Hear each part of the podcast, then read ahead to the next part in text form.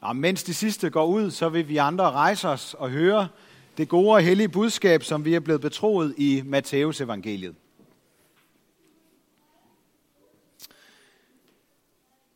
Da gik farisæerne hen og besluttede at fange Jesus i ord. De sendte deres disciple hen til ham sammen med herodianerne, og de sagde, Mester, vi ved, at du er sandru og lærer sandt om Guds vej, og ikke retter dig efter andre, for du gør ikke forskel på folk. Sig os, hvad du mener. Er det tilladt at give kejseren skat eller ej? Men Jesus gennemskuede deres ondskab og sagde, hvorfor sætter I mig på prøve, i hyklere? Vis mig skattens mønt. Og de rakte ham en denar, og han spurgte dem, hvis billede og indskrift er det? Kejserens, svarede de. Der sagde han til dem, så giv kejseren, hvad kejserens er, og Gud, hvad Guds er. Da de hørte det, undrede de sig og forlod ham og gik deres vej. Amen. Værsgo. Vi vil øh, bede en bøn sammen.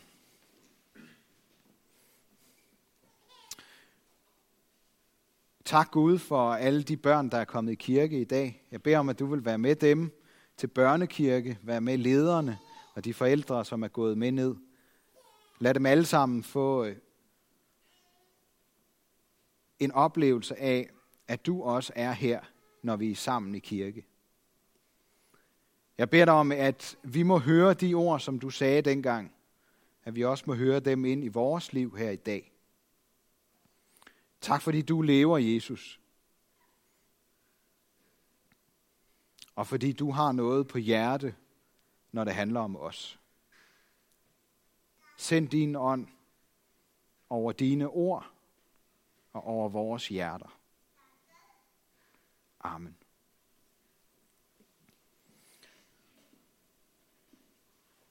De ord, vi har hørt fra Bibelen her i dag, de er i historiens løb blevet misbrugt på det groveste. Særligt under 2. verdenskrig, der blev det uhyggeligt, når nazistiske familiefædre kunne hygge sig med deres familier om søndagen, og så gasse jødiske familier til hverdag på samme tid i den samme uge. De levede et himmelråbende dobbeltliv. Kommunismen fik også afsløret et lignende hykleri, når folket skulle deles om goderne, mens magthaverne blev rige af det. Nutidige diktatorer har også været ved at skjule det samme misforhold, at de udnytter deres magtposition. Men det er straks sværere, når det handler om dobbeltliv, der sådan er skjult og pakket ind i flotte ord og rimelige undskyldninger. Min påstand er, at vi alle sammen, alle os, der er herinde, har en tendens til at leve dobbelt. Som en mønt med to sider, der ser forskellige ud på hver side. Sådan var det dengang farisæerne og herodianerne til sydenladende kom for at rose Jesus og spørge ham til råds, men i virkeligheden så ville de fange ham i en fælde. Jøderne var i klemme dengang på grund af de her mønter, der blev brugt. Denaren, den havde et billede af den romerske kejser på den ene side, og så havde den typisk et billede af et skib på den anden side. Det var ikke skibet, de havde problemer med. Ifølge den jødiske lov, så blev det regnet som tilbedelse at bruge mønter med kejserens billede på. Men på den anden side, jamen så nød jøderne jo godt af forholdsvis fred og ro, som der var dengang, og ikke mindst gode sejlforbindelser rundt i hele Middelhavsområdet.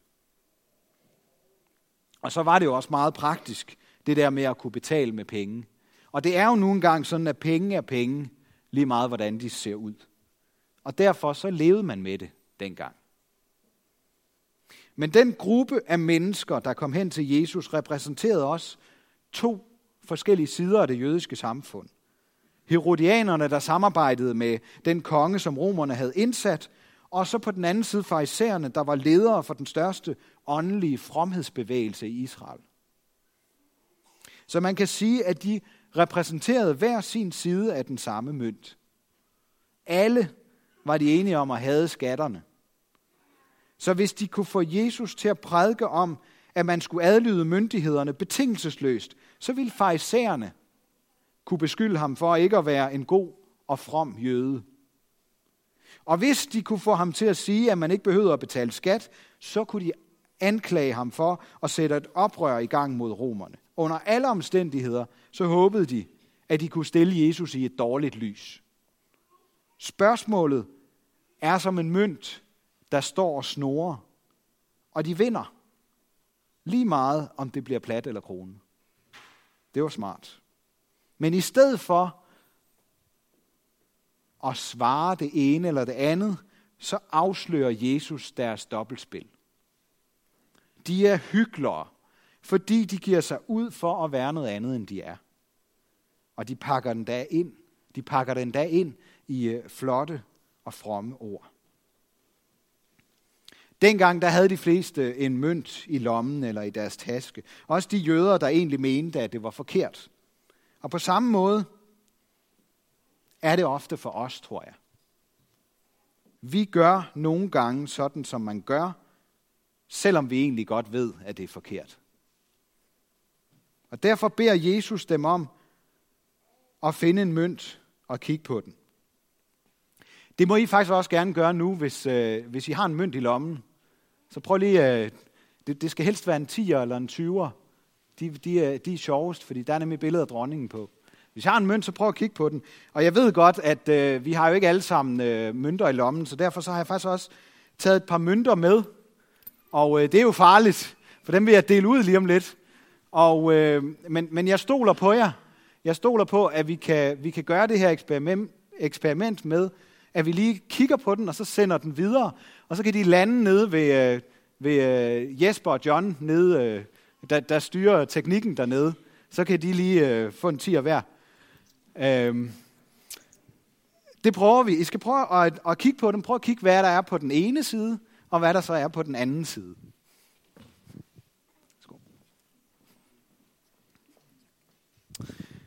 Øhm.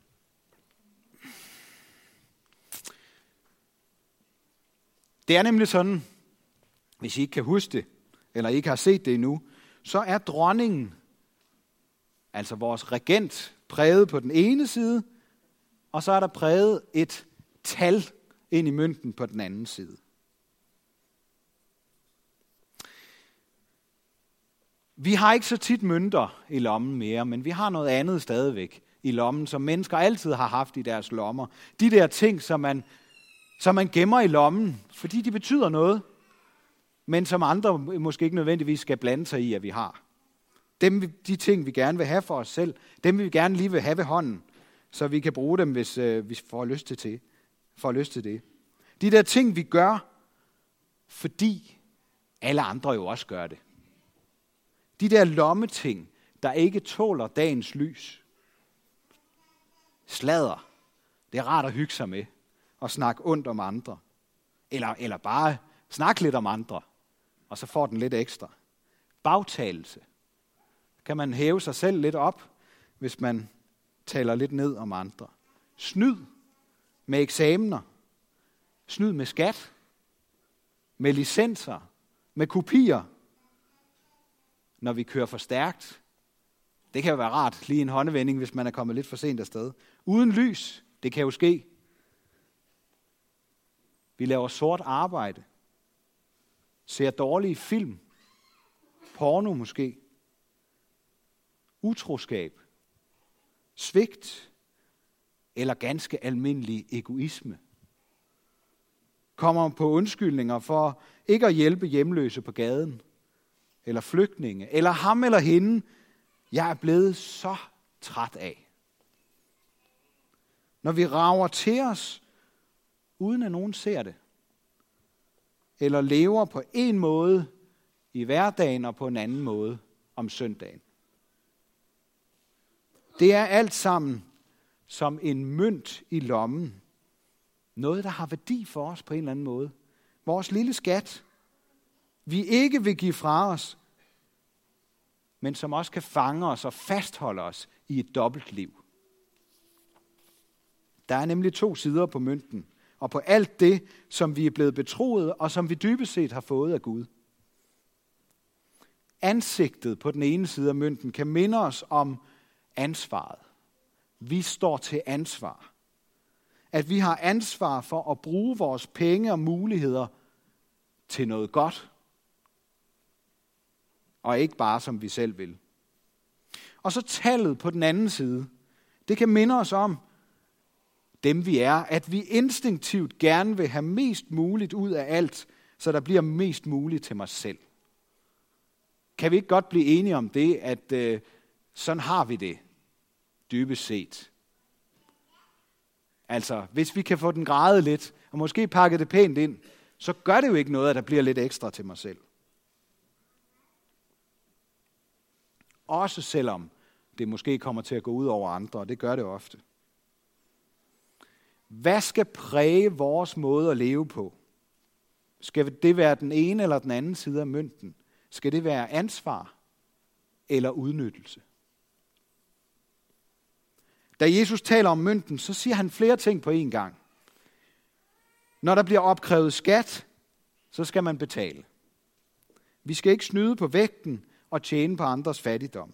Og man skal adlyde de myndigheder, der bestemmer i et land. Men Jesus siger også samtidig, at der er en grænse.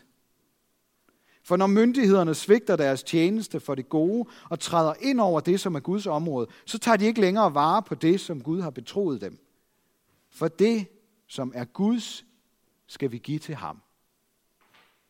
Vi skal også råbe højt, når ufødte eller andre svage borgere bliver svigtet. Fordi myndighederne ser mere på myndens tal end på billedet og glemmer, at mennesket er skabt i Guds billede.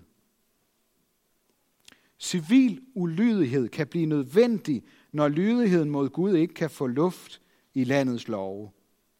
Men det betyder ikke, at alle love så er ligegyldige og kan brydes.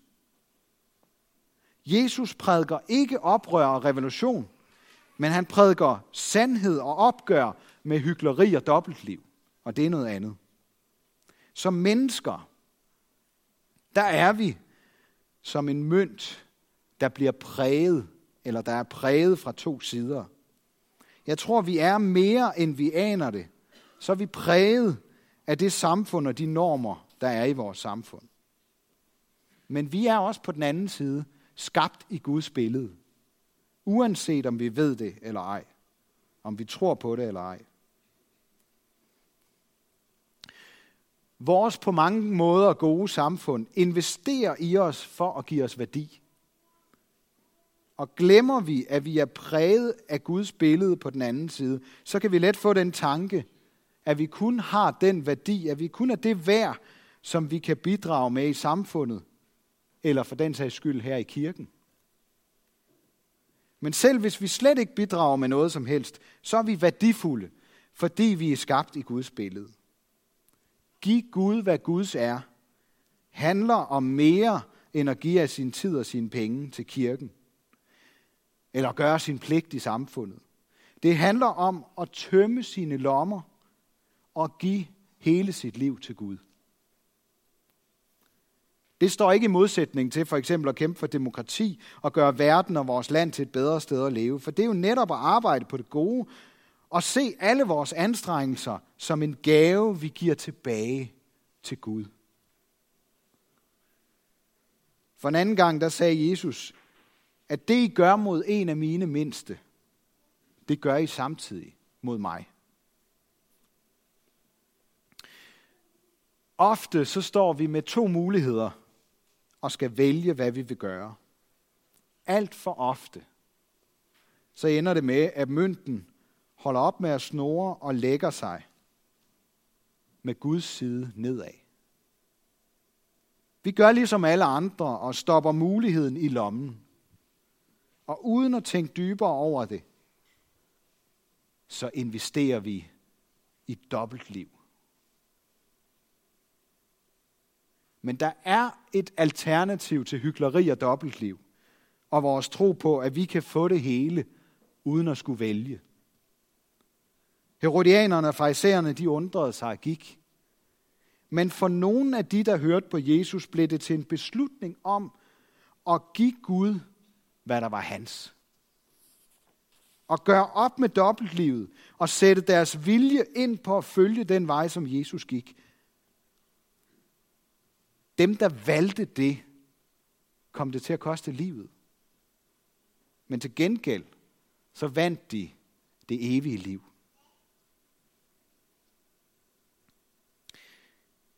Det er sådan her i livet, at vi tror, at vi har så mange valgmuligheder. Det har vi på sin vis også. Men når det handler om det her med det evige liv og dobbeltliv, så kan vi kun vælge mellem dobbeltliv og evigt liv. Der er ikke nogen andre muligheder. Og det, desværre så er dobbeltlivet ikke dobbelt så godt, selvom det ser ud til, at mange tror det. I virkeligheden er vi dobbelt så levende mindst, når vi får det evige liv. Dobbeltlivet bliver begravet i dåben, så det evige liv kan vokse frem. Det nye troens liv, der gør os så levende, at vi vågner op igen og lever videre efter døden.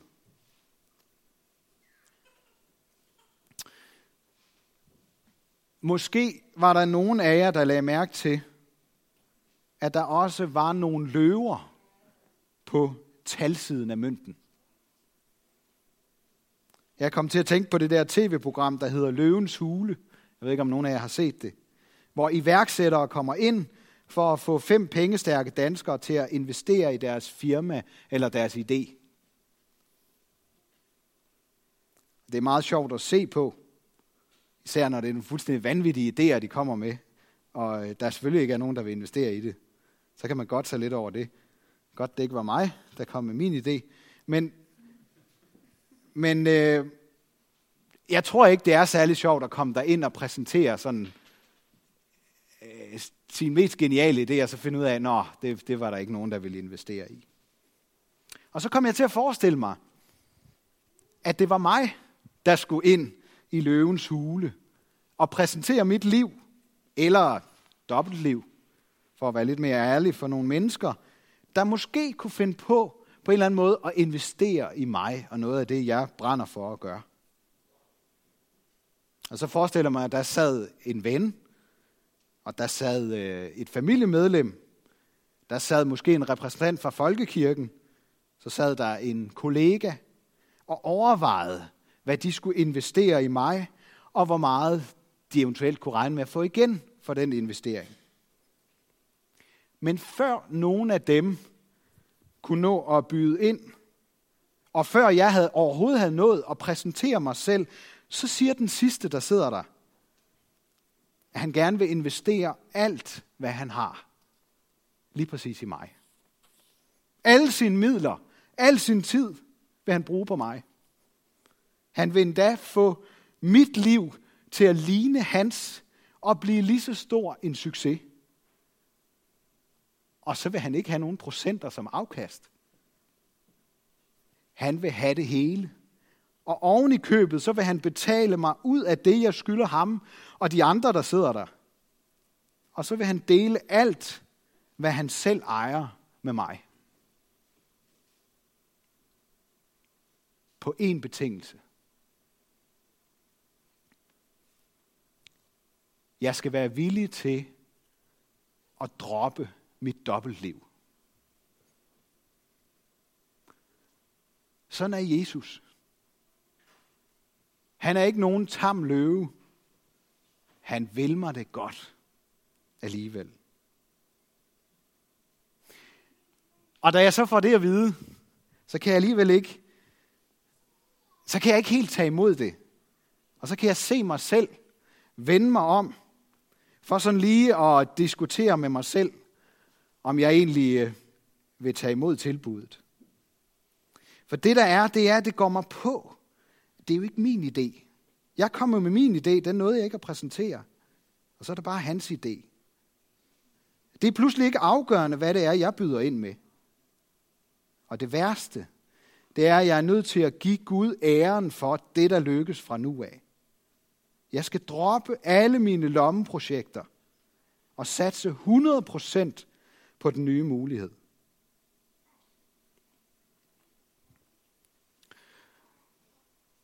Min påstand er, at lige der står vi alle sammen. Over for en enestående mulighed. For Jesus opgav sit liv i den himmelske verden og offrede sit jordiske liv for os, for at vi kan blive levende og opstå til evigt liv, ligesom han gjorde. Og alligevel så kan vi få lyst til lige at vende os om og overveje, vil jeg nu også det? Er det nu det rigtige? Den investering, som Jesus har lagt, den vil han give os i bytte for vores dobbeltliv, der ellers kunne ende med en dobbelt død. Livets afslutning og den evige død. Men hvis vi tager imod tilbuddet, så lander mønten med kronen opad. Der er en verden til forskel på at leve et dobbeltliv, og så det at tage imod dobbelt liv fra Jesus. En forandring af livet nu og for altid.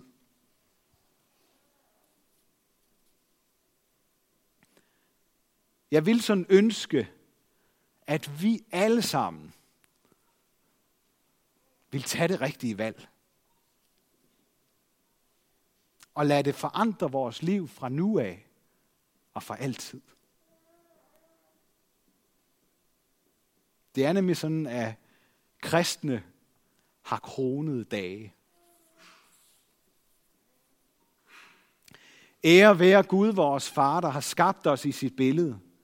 Ære være Guds søn, der tog vores straf, så vi kan slippe fri. Ære være Helligånden, ham der gør Guds kærlighed levende for os.